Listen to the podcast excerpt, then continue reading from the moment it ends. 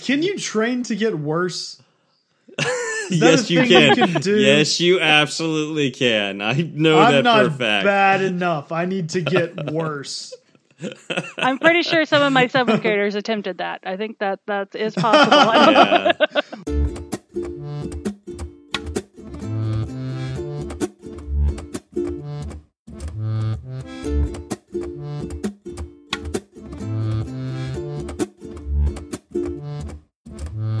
Hi, I'm Steve. And I'm Zach. And I'm Montessa, and this is Fireside Swift. How's it going, Montessa? Doing good, doing good. Been a been an interesting week. Kids started online school and trying to keep everything up and going, but but so far so good. How, how is that different from the normal uh, week with online school? Like, is it impacting your life majorly? Actually, not not too bad. My uh, children play in the jazz band. They usually have to get up like at 7 a.m. and be there for like the zero hour class, and and uh, then I usually don't see them again until after school. So like they're sleeping in, so I'm getting to sleep in. Um, and they're older. My youngest is 11, so they're you know they've got their Zoom calls all scheduled and and seem to actually be enjoying it, which kind of surprises me. Okay. Well, that's good. Yeah. Zach, how are you doing? Uh, I'm doing I'm doing pretty well. Um, you know, in the middle of the week, I had I had a bit of an issue. Uh, there's some construction happening down the street from me, and apparently the construction crew cut a fiber optic line that uh, fed me my internet. Oh, no. Which is awesome when you and everyone in your neighborhood is working from home. Yeah, it's not like everybody needs the internet now. Um, Yeah. So how long? um, how long did that affect you? Because I can hear was- you now. We're talking was- over the internet. Oh, don't! I'm a figment of your imagination. I always have been. It's like a Fight Club. This whole That probably thing explains this Fight long Club. amount of silence, and it's definitely not that I have muted you. Uh, it's it's that there you aren't talking. I'm just listening to you in my head. Exactly. Um, most people who download the podcast think it's some weird performance art piece of you just Yeah. talking to yourself. Um, anyway, So who's I was, responding to the tweets? Because I'm the- definitely not. That's the question. That's the question. Um, so yeah, it was out most of Wednesday, and it they got it. Uh, so I guess they cut it right around eleven, right as a meeting started. Everything just dropped out. Wow. So yeah, that was that was great. Um, How did you inform work that you didn't have internet? I have Slack on my phone with a cellular. Oh, okay. Connection. That And wasn't so I just- connected to the fiber at all. No, Okay. No, and um, so I was able to to let my manager know, uh, and then I, luckily I had enough stuff to do offline that I wasn't just sitting around for a day. I was able to stay busy, um, but yeah, it wasn't cool. And then it it did come back around like eleven or actually like seven on Wednesday night, um, That's- and then it's been fast. it's been kind of in and out since then. So we'll see how this goes. All right, living dangerously. Uh, well, How I- about I had- you?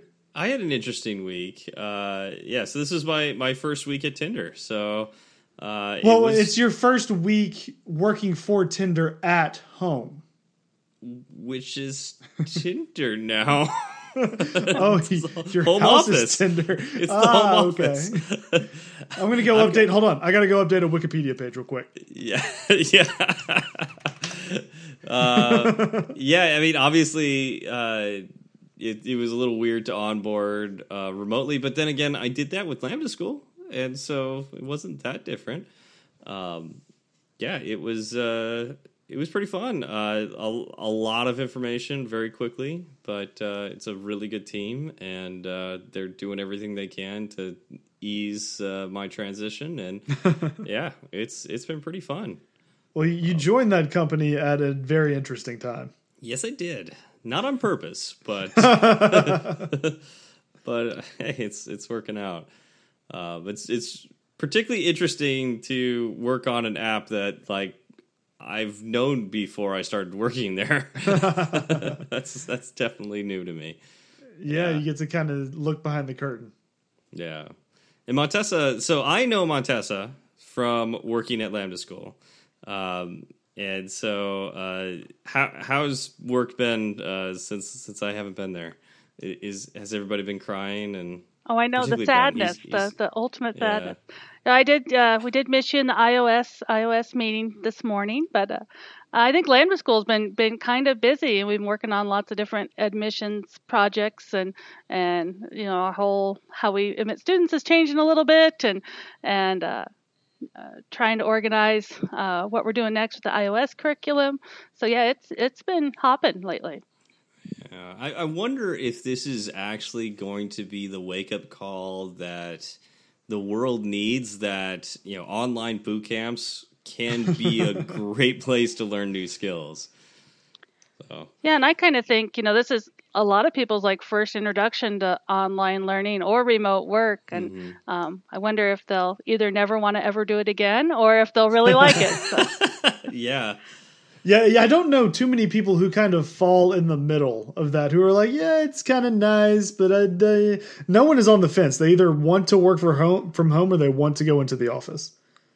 uh, I feel like I'm leaning more in the middle now than before. Actually, Okay, so I take it back. I know one person, and it is Steve. Yeah, because he, here here's the thing: like when you can work from home, it's like uh, it feels like a privilege. When you have to work from home, now it doesn't feel as nice. Hmm. Interesting. yeah, it's like now I want to go into an office because I have to be at home. But maybe But that's, that's- just my personality. That's just because you have issues with authority. You Yeah, don't like being told what to do. I will say that, you know, I obviously have no plans for this weekend, and that's not as fun as it used to be. yeah, Like, I used to be like, oh, I don't have anything to do this weekend. It's going to be nice and relaxing. And now it's like, I don't have anything to do this weekend because there's literally nothing I can go do. Yeah. Yeah, that's true. Yep. But uh yeah, I was thinking like all the the the concerts that I had planned on going to around this time and yeah, can't go to any of those. yep. Yeah. Anyways, uh, this is probably a good time to talk about our sponsor.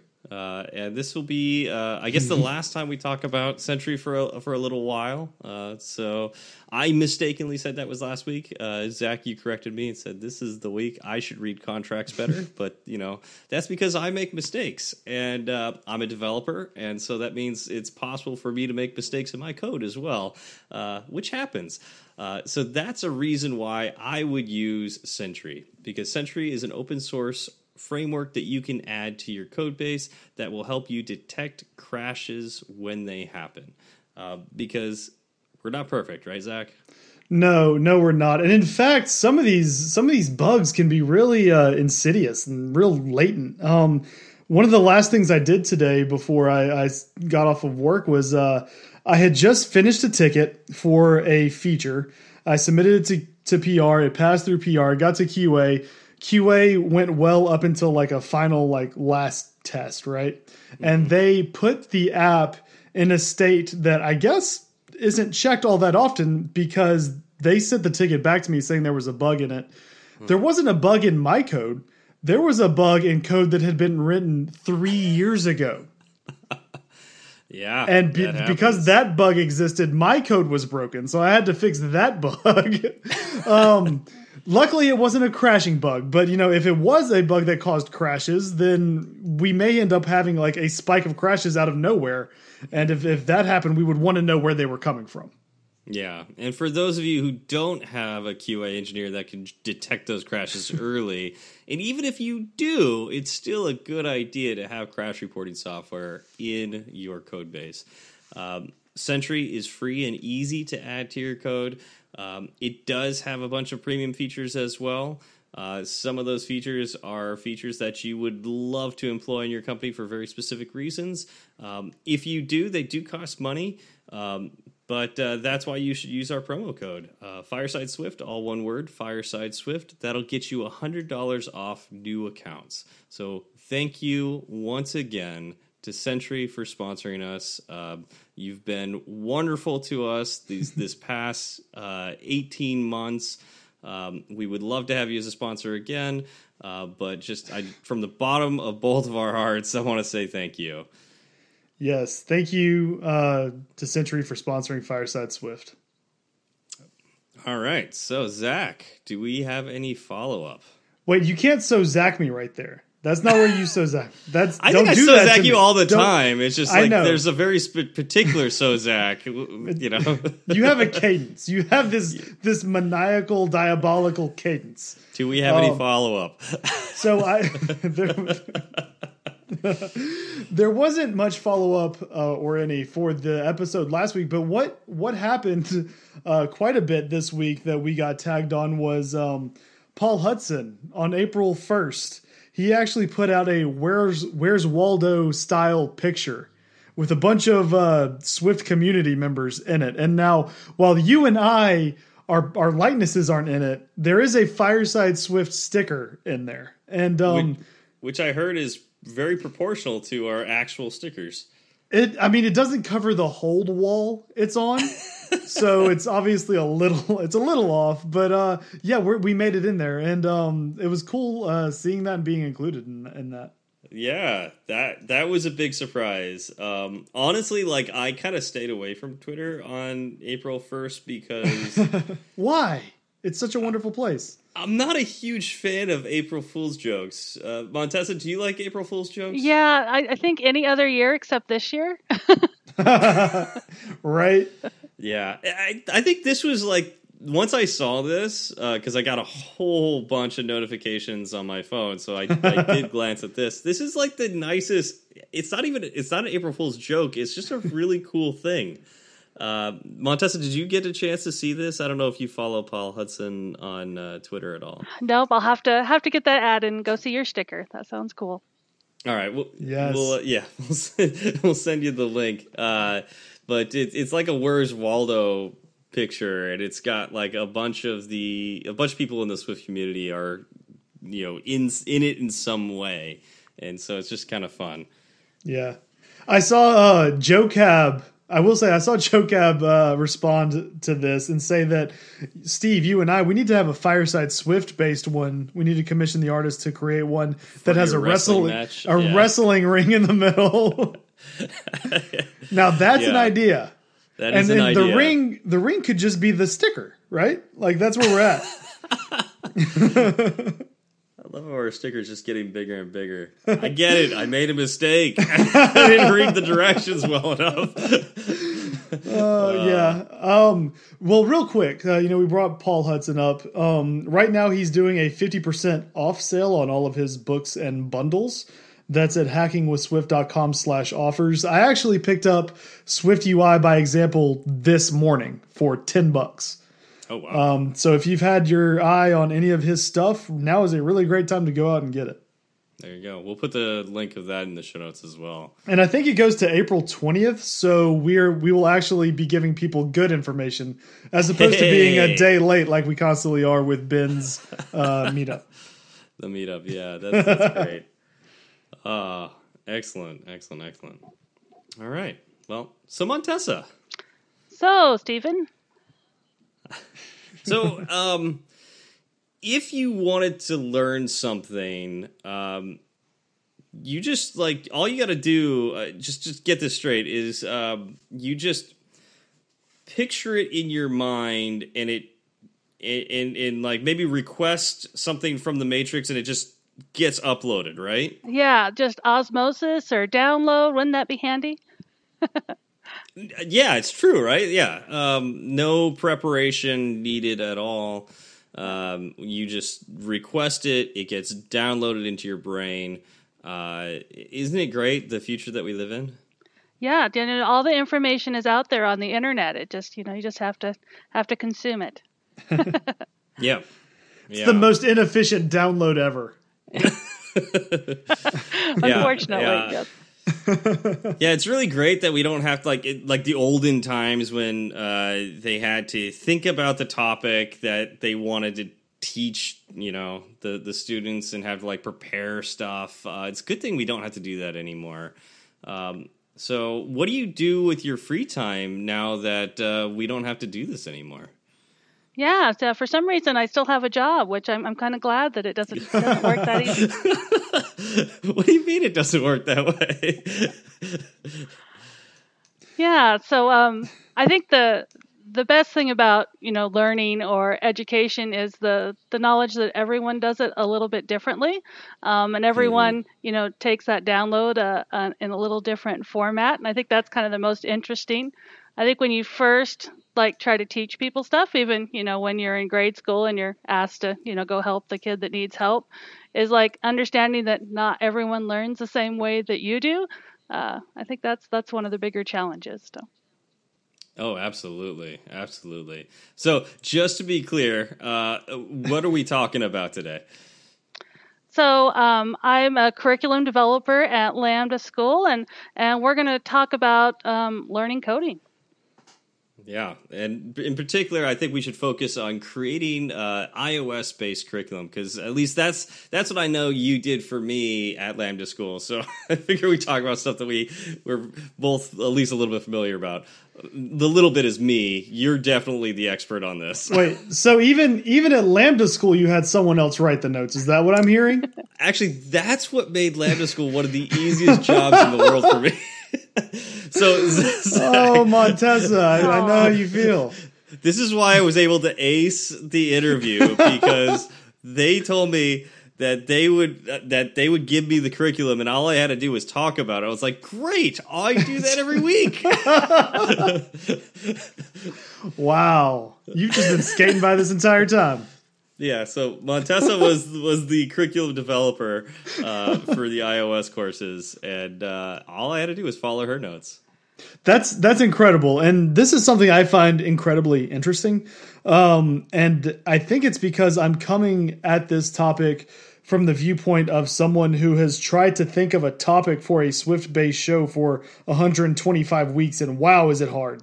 Um, so I can't I can't imagine, and like we we don't necessarily like we want to teach people something, but they don't have to be invested in Fireside Swift to to learn it, right? Like uh, they basically come to us; they're not giving us anything. We are we are trying to freely disseminate this information, and we don't need to do it at a level where everyone learns everything. That's kind of what Fireside Swift is. We will cover topics, and then you can kind of, if you hear something interesting, go and dig a little deeper. But when you're creating a curriculum like the goal is that a student taking that curriculum will will understand the topics covered. And that would be great if all students were the same. Uh, but they're not. So, first of all, how do you come up with with the topics to teach, and how do you cater it uh, for you know the the mass of humanity that could potentially take it? Yeah, I think that's a trick, and I kind of want to take a step back. So, I am actually um, have very beginner level of iOS knowledge. Um, I came into Lambda School, they knew I knew curriculum development. Um, I've te- taught kids coding, so the concept of coding is not new to me.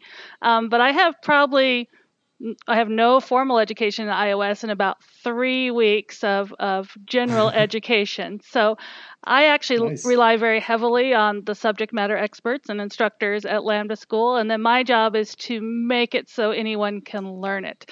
Um, so it's kind of an interesting position. This is the first time I've had a job where I'm not also the subject matter expert, um, and and that makes it really challenging because I don't see all the holes sometimes. But we start out um, basically kind of kind of at the end like what do you want your students to be able to do uh, once they're done learning. Um, and then we step back to like what's your objectives? And then line those out very clearly to like every day has you know three to six objectives. And then we think about well how would be the best way to teach those topics? Um, and then everyone learns differently but they're all supposed to make the same endpoint. So some of them are going to appreciate videos more, and some of them are going to uh, want the written word. Some of them are going to need, you know, feedback on their project is where they learn. Um, so then just trying to hit it in every different way you can. So. Wow. Yeah.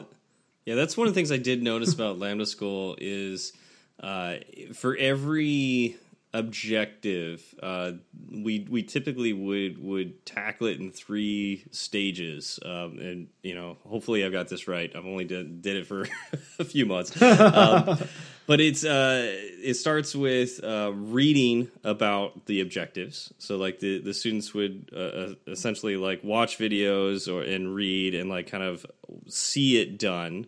And so that's like, um, I don't, gosh, that's the I do part. I do. The I do, thank you. The I do, uh, and then it's and then it's we do, and so basically that's where I would come in with the guided project, and we would take those same learning objectives and we would do them together, and then well, I thought the I do was after that. I thought it was.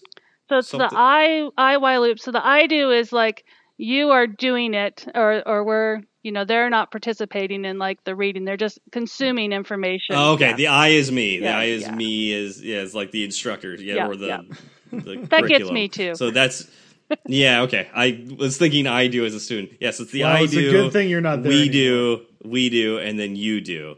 And so the the last step is the student would have a project that they that again emphasizes those objectives and now they attempt to do it themselves. And so they've got a chance to watch in different ways and then also participate in in the learning objectives. So i thought that was pretty neat. Yeah i think it's really unique. I mean it was what i was it's like what you're taught in school when you're you know trying to learn teaching and instructional mm-hmm. design. Um, but then you get to you know your normal higher ed class or stuff and that's not the way they do it, uh, mostly no. due to time and organization. Um, so that uh, yeah. uh, that was the one thing that really attracted me to Lambda School is like like they're doing project based learning. They they are focused mm-hmm. on objectives. They've got a lot of those pieces right. Yeah, yeah, and uh, um, so what is there any like way that students could potentially learn that I don't want to like go like a uh, criticize or anything like that. I'm just like thinking like, are, are, there other ways that students learn that we're not thinking of right now with like either that or like w- what are some strange ways that, that people like to learn? Not strange, that's a bad way to say that. Like, you know what I'm trying to say? Yeah. Like ways that we're yeah, like I'm not thinking of right now. Of so we're we're hitting a, a couple of the different ways. Ours is is pretty pretty teacher focused or instructor focused. Um, some of the things that are a little bit harder to do online is like group learning and group projects, mm-hmm. which they mm-hmm. do get later on mm-hmm. in, in, in different formats. So some of that that working with someone else, uh, maybe working directly with a mentor um, for longer periods of time. Um, but basically, for the, the tools that are available, I, I think we're hitting most of the most of the things that can be done to teach people to. Yeah. Yeah. Well, given given that there are there's such a variance, right? How do you know that you've done it correctly? Because the the feedback loop is long on this kind of thing, right? Like you don't know if, or maybe do you have uh, maybe short term, shorter term feedback that you can kind of use to tweak the rest of the curriculum, or how how does that work? Yeah, and then I think one of the areas that we're we're really focusing on now there there used to be not any multiple choice testing assessments um, based and you know, just uh, before Stephen left, we had to try to write questions that tested the objectives that we were teaching. Uh, you know, we originally mm. wanted to be completely project based, where you're you know getting feedback on a rubric, and that that happens fairly regularly. You get feedback on every project that you do on a daily basis. Um, but we were looking like tracking a student through the whole program, like like trying to figure out you know, how many questions do you need to answer right to show that you've actually got it? And is that even a measure of how much you know? So that assessment piece right. is, is, really complicated when it comes to something like coding. Absolutely. Yeah, I I, I remember that being um, just like uh, just a difficult problem to solve. You yeah. know, just trying to like getting the right questions right or even like looking at a project it's like you can't get eyes on every single project. So it's it's you you have other people helping you but now you've got different opinions on how that person did. Uh, so it gets it gets very difficult to get that feedback loop going. Um, Montessa, what what uh, what got you into you know curriculum development? Like who who decides to get into that field? yeah, and it actually didn't used to be a field. So um, I started. I was an engineer. I wanted to go into teaching, so I ended up getting an online degree back in like 2004. And that was kind of the infancy of of online higher ed. And uh, yeah, curriculum development wasn't a thing because every instructor basically built their own class. Like you'd have a textbook manufacturer, but you really wouldn't have anyone telling you how to teach your class. And so it kind of came around that, um, you know, with the technology. So I was an online teacher for high school students. Um, and then they started bringing on people to, to help us with that. And that kind of was the beginning of instructional design or curriculum development. And the hard thing is, I really like developing curriculum, and the reason is because I don't like anyone else's curriculum. so, so, now I've put been put in this like horribly hard spot that it's my crappy curriculum that people are trying to teach, and I feel for the, them. I'm like, I know this is hard. I'm sorry. Uh, this is the complaint Zach has when I write the notes. Yes, yes, and that's why you don't write the notes. It's See, awful. it's not. It's not because I'm lazy. It's because you won't let me write the notes anymore. Well, I mean, I don't let you write the notes because you're lazy, and so we don't end up with notes. Chicken the egg, you know. uh, that's yeah, that's that's really awesome. Um, have you have you found it to be rewarding? I I do. I I kind of miss my like um, interaction with the students. You know, it's a one step mm. back from that, but it also pulls you back from some of the stress of the interaction with the students. Um, but I think yeah. you know something like Lambda School, where we're we're teaching people in, in a really efficient manner and, and the right way, and, and there's it's very goal goal oriented. Yeah, it's very rewarding to to be able to pull those things together.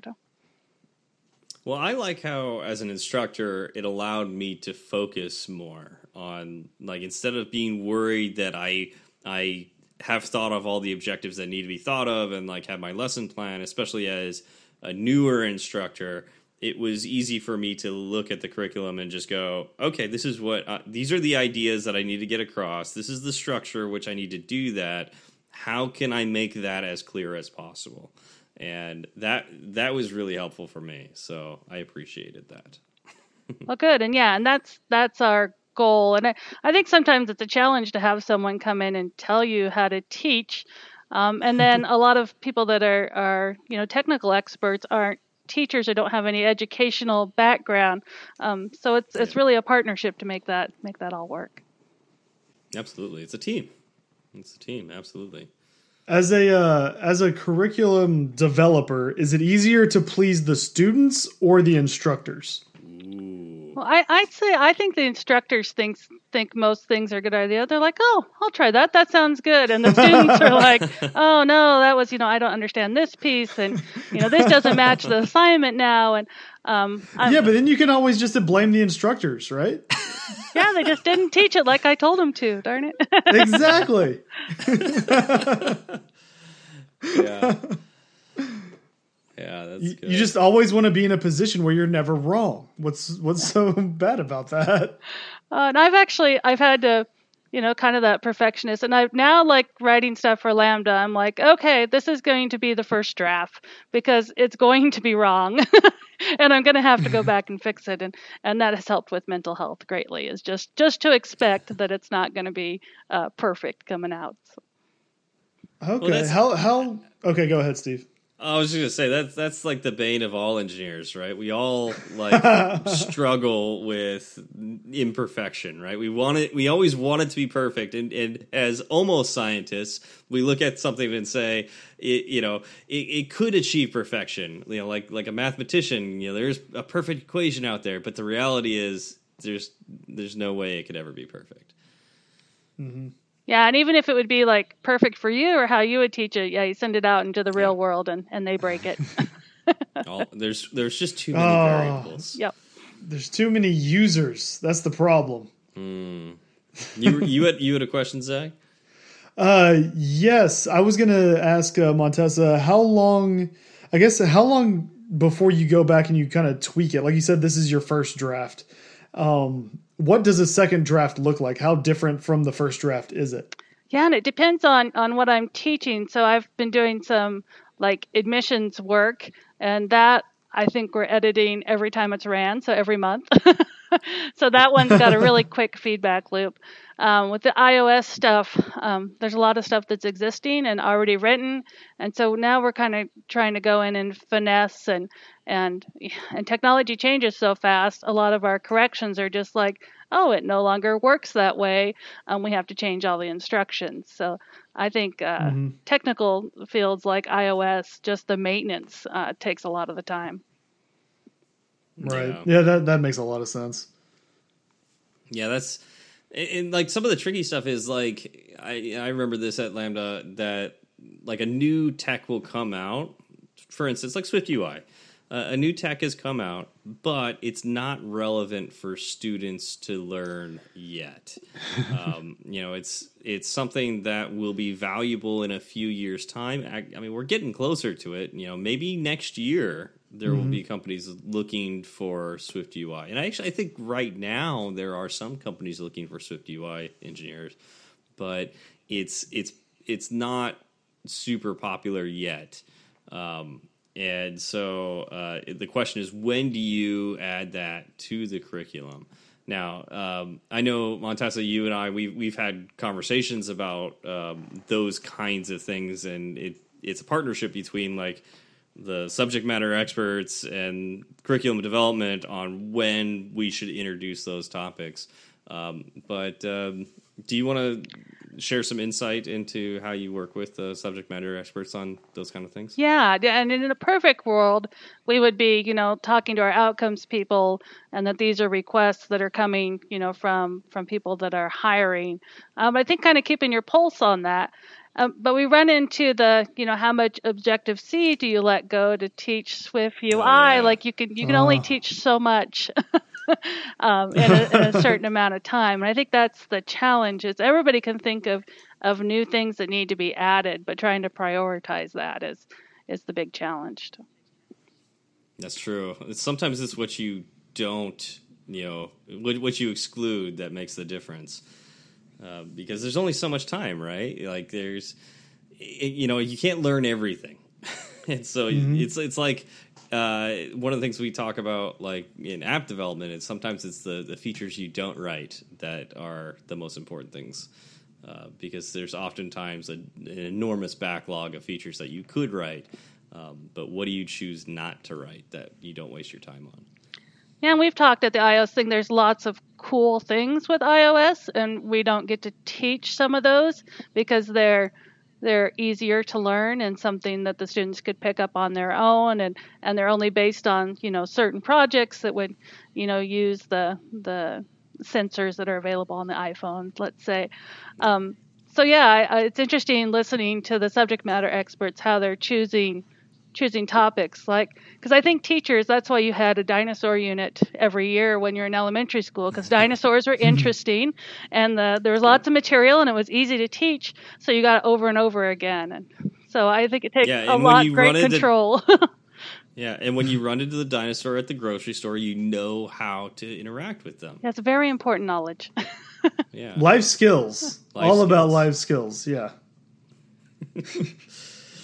uh, that's a great example, though. Yeah. Um, there, there's quite a few things that were like probably just presented because they're easy to teach and they're fun to teach, but aren't necessarily the best thing to teach, you know, over time. But still, like as as instructors, you know, you need a break too. yeah. Yeah, and we have to well, and I like think... balance our students. Like you can't can't be drudgery yeah. all the time. They need a few cool things, or yeah, they they lose ambition to keep learning it. Well, that was that, and that was actually going to be what my next question was. Was is there like a a kind of a cycle where you're like, okay, this these two weeks are going to be something that's kind of technically challenging, and we know it's going to be a little rigorous. Maybe we book into that with uh, a couple of topics that are you know just more enjoyable to teach and learn. Yeah, and I think they've done a good job of like looking at that and and then also we have trouble with like sequencing. Like we want to add this new topic in, but that means we have to teach this topic first, and so and we want to teach this one That at a higher level. Yeah. Um, so there's a lot of juggling that goes on to to get that just right. Yeah. Yeah. What do you find as like the most difficult part of your job? I think right now is just not being the subject matter expert myself. Um, as I said, Mhm. all the courses I've written in the past that I had the level of knowledge higher than my students, so um, I could check for like technical errors. Um, and I've and I've switched jobs here at Lambda School a lot. So I'm on iOS right now, but I've worked on looked at Salesforce curriculum, and we've looked at uh, cybersecurity curriculum. You know, some of our new projects, and then each of those for only like two three weeks at a time, and then off to the next thing. And uh, Yeah. so I think yeah, just trying to. My thought is like, oh, I'd really like to learn iOS till I'm at the same level of an instructors. Well, that's that's months of learning. That isn't going to happen. So Yeah. I just have to get Yeah. used. It's kind of like a foreign language. Now, when I sit through the iOS meetings, I'm like picking up every third word and feel like I'm understanding more, but I'm still not speaking Yeah. iOS. Yeah. Yeah. well, that, that reminds me of uh, there was one point in time in my life when I was a manager of a restaurant, and um, I got to that position because I was a pretty good server, and so I worked the front of the house really well, and uh, so I. I wouldn't say I got promoted because I actually quit, and then I eventually got rehired as a manager. So I didn't get promoted. Um, can't say that, but uh, I came in. I didn't. I never worked in the back of the house. I never washed dishes. I didn't cook. I didn't prep. Um, I didn't do any of that stuff in the back of the house. And so, but now I am the boss of the whole restaurant. So even though I, it was a, that that position where it's like I, I was not the subject matter expert, and yet I still had to make the right decisions. Um, and so it was it was difficult for me at first, but eventually I learned how to lean on the experts that I did have in the kitchen. Like I, f- I figured out who the subject matter experts were, uh, particularly the ones on that particular night or yeah whatever shift it was. Um, you know, this is this is my point person, you know, and so I would lean on them, and when they would ask me questions, I would like, you know, should we do, you know we're running out of this or something like that. And i would ask them it's like all right so what have you done in the past or what do you think we could do um, and allow them to give me suggestions and i would just make the final decision. Uh, and so yeah I, I think there's there's quite a few times in life when that's that's an interesting lesson to learn um, that you can't always be an expert about things. Yeah, and then, then rely heavily on your subject matter experts. And I think knowing that, like when to ask and, and when to make some forward momentum, you know, all of our instructors are extremely busy. To, so to get them get them to sit and look at your assessment questions is usually not their highest priority. So yeah, oh yeah try to get it as far as you can, and then or sometimes do it and you're like, I know this is wrong, and then they just can't help but correct it. So you trick them into it. Uh, that's that's a good way of doing it too uh, any other questions zach No, that that's it for me. I thought this was really um, a really fantastic discussion, and it's something that I've kind of been curious about. Again, because I write the notes for this show, uh, what like a more formal version of this would be. Um, so I got a lot out of it. Thank you. Great. Uh, Montessa, do you have any uh, anything you'd like to add uh, before the end here? Yeah, yeah, I think uh, you know, I, I haven't taught iOS very long or, or much subject matter expert there, but uh, I've worked with kids on coding, and and it always interests me how much like natural talent there is there if you let them, you know, let them explore Mhm. stuff. I like doing robotics because you kind of get that instant feedback of you know you're going the wrong direction. or you're yes. going, um, but I Well, until you make Skynet and it kills all of us, you know, Yeah. that's that's one of those hindsight twenty twenty things. Eh, bugs happen, Steve. But I, I just think as these, I'm interested to see when these children come up through the system, Oh, you know, how that's going to change that people will have more coding knowledge um, just in general and, you know, how that'll change instruction and, and how we think about that. yeah. So, Yeah, my nephew uh, took to like he's in kindergarten right now. Took to remote learning really quickly. My, my sister's been sending me pictures like every other day, and he's like on their iPad and probably knows how to use that iPad better than them now. Um, and it's just it's just crazy. Like, um, yeah, don't don't sleep on kids. They they uh, they learn quickly. mm-hmm. Yeah. All right. Well, uh, I think that's that's about it for us today. Uh, yeah, no shout outs. Uh, so um, you know, if uh, but we also we also know that during this time, I there's probably more important things to do than review a podcast. But if no, everyone's got so much time on their hands. If you're social distancing, you can uh, you can uh, go ahead and leave a review. Well, because you can do that for uh, you. You don't have to be near anybody to do that. Based on what we've seen in the number of subscribers since uh, uh, people don't have commutes anymore, uh, be surprised if anybody listens to us anymore. Uh, but if if uh, you haven't. or if you like what we have to say, if you would like other people to hear us, it really helps us if you would get on the Apple Podcast app and leave us a review. Um, and uh, just let us, you know, let let them know, not us, you know, let them know, uh, you know, what you think of us uh, for good or ill. Um, we'd love to uh, talk about it on the show, and this is when we do that. Um, yep. Yeah.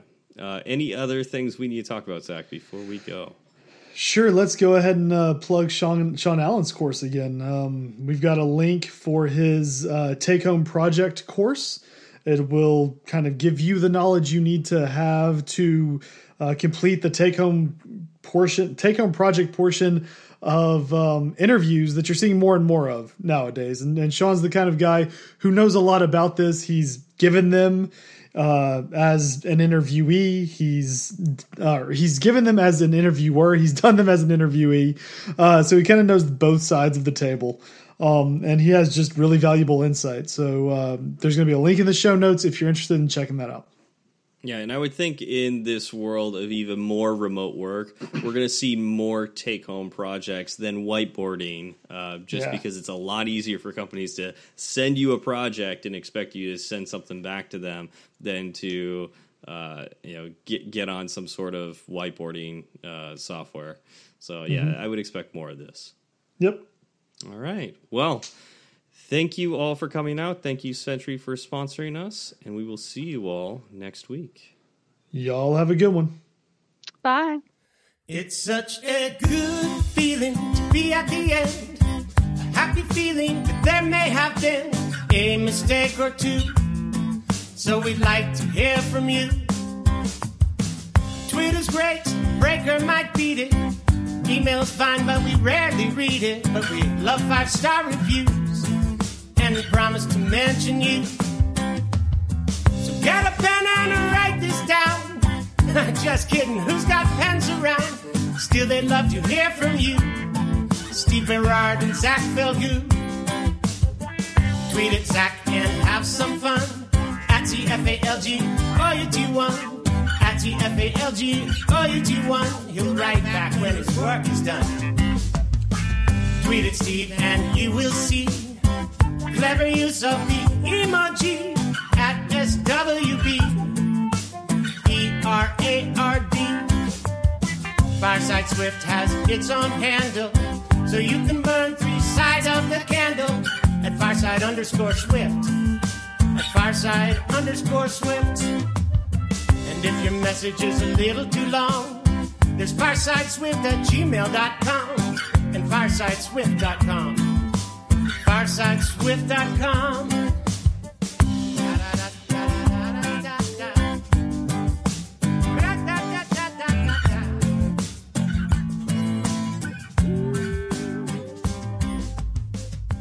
Anyways, Montessa, how are you uh, staying sane in uh, this era. Well, so I live I live in a very rural town of about three thousand people, and we own a dairy farm. So my children have Oh. like eighty acres to run around in, and and well, there you um, go. we do have some. You know, I don't think our citizens. You know, the government tells you to do something, and their natural inclination is to do the opposite. So, um, Mm, staying with the social distancing's been a little little tricky around here, but.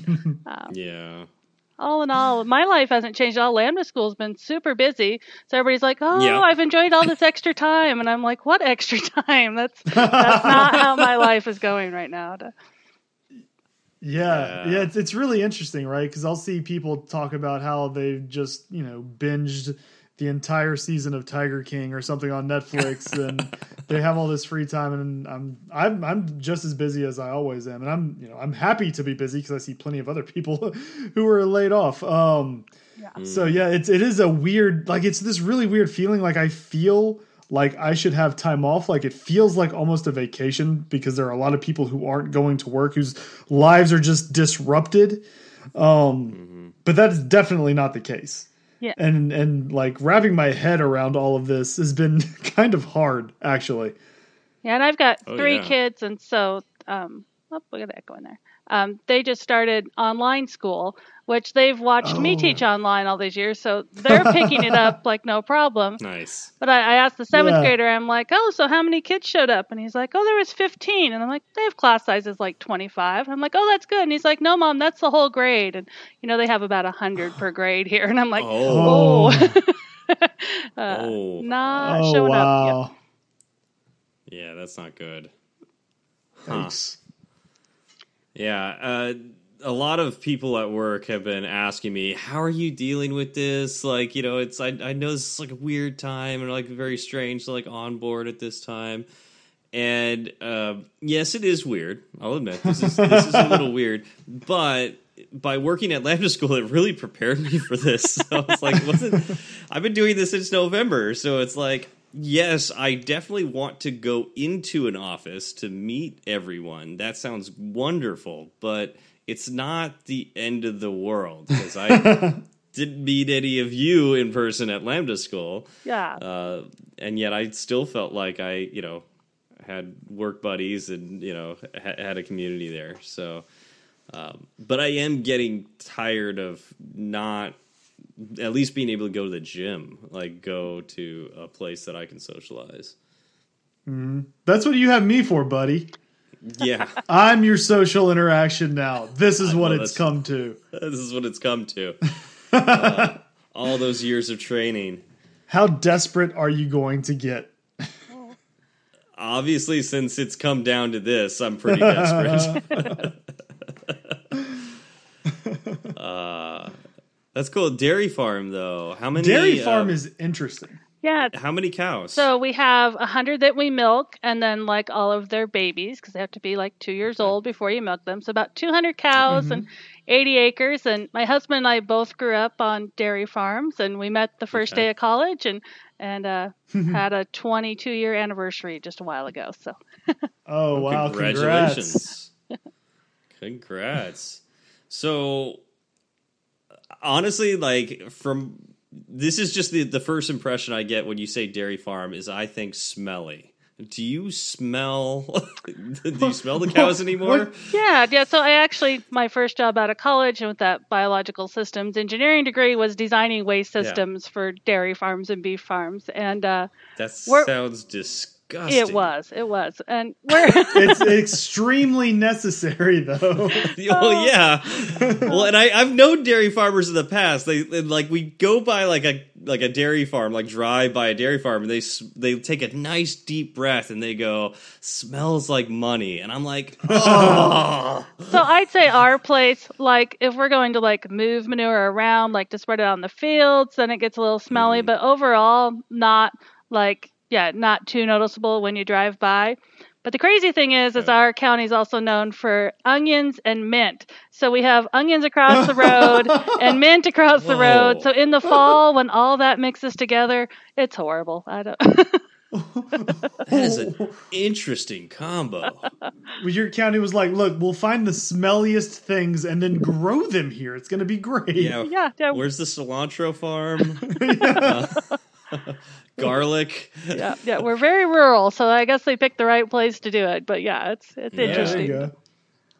Well, when I would when I went to Fresno State, uh, there were some dairy cows there. Not even that many. I, I don't I don't think it was more than a dozen, but it was for the ag school, and um, I was in Air Force ROTC my first year, and I'd have to get up super early and go running.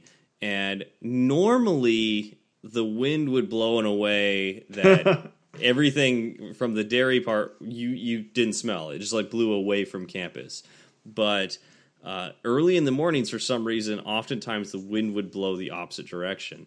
And so we'd be out running, like running around the stadium or, you know, running up the stairs or something like that. And it would just blow right into us. Oh. And it was awful.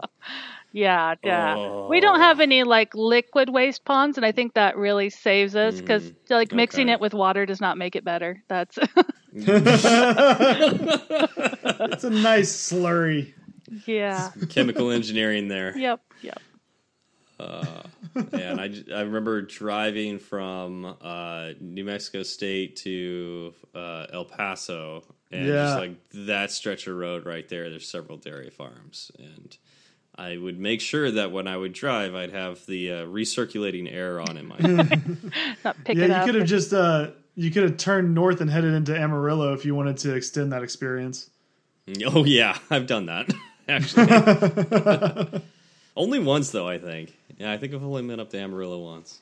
So an interesting Yeah. like technical challenge is um, when I came out of college, they had a bunch of odor complaints in the in the area that I was mm. working, and there's really not any way to like measure o- odor. So they were trying to regulate it, but didn't like mm. have a number they could regulate against.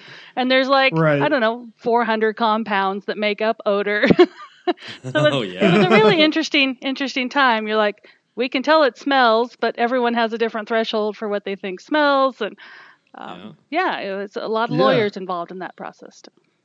Yeah, and like I, over time, you get used to smells, so your tolerance changes. So you can't use that like you can't just like say like, oh, this sensitive nose is the one we're going to use because over time they're going to get less sensitive to it. Yeah, yeah. So kind of a, a tricky, tricky thing. They actually had these huge. They looked like um, fart guns out of like Despicable Me, but they would actually like dilute the amount of air that that would come through them. So like a one sixty fourth ratio. So like natural smell, and so they actually used the first time you could smell it, and then would like have a panel of like seven people and take the average. And you know, we tried to make this thing that's horribly non-scientific a little more scientific, but wow. that was a tough deal. I re- I so I did this thing at New Mexico State when I was going there. I was like this mentor over the summer for like a essentially a boot camp for um, uh, junior high and high school students. Uh, it was like an engineering boot camp, and we would do these uh, like uh, field trips. And one we went to, I think it was yeah, it was the NASA facility there in New Mexico, and uh, we watched a presentation there.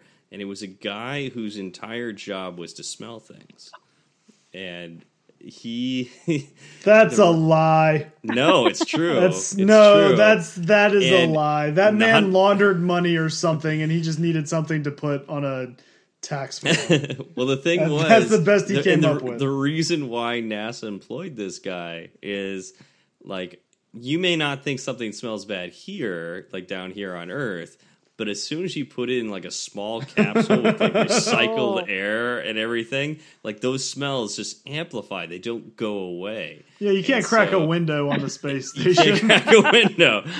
and so yeah, he would yeah, he it was his job to uh to to smell things and let him know if it was too bad or not.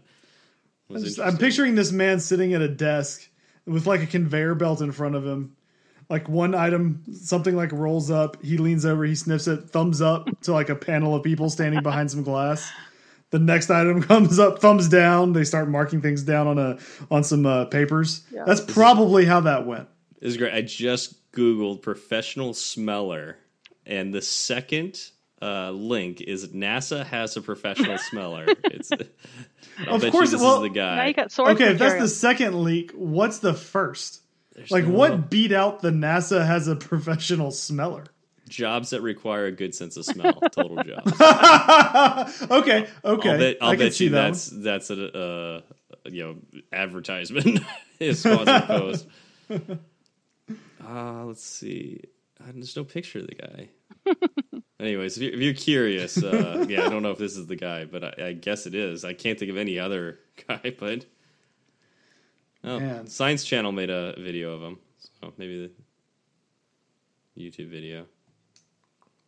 I don't want to watch it. Yeah. All right. No, I mean, That's what I You're used to a throw guy at sniff my like things. seventh grade students is, you know, I used to work with cow poop, but now I work with you, and some days, you know.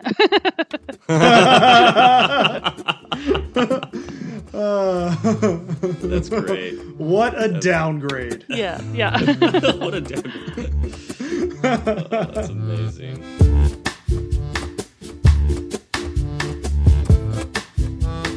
Ding. That's for that's for Mr. Mc- McSwift face. Hi, boy.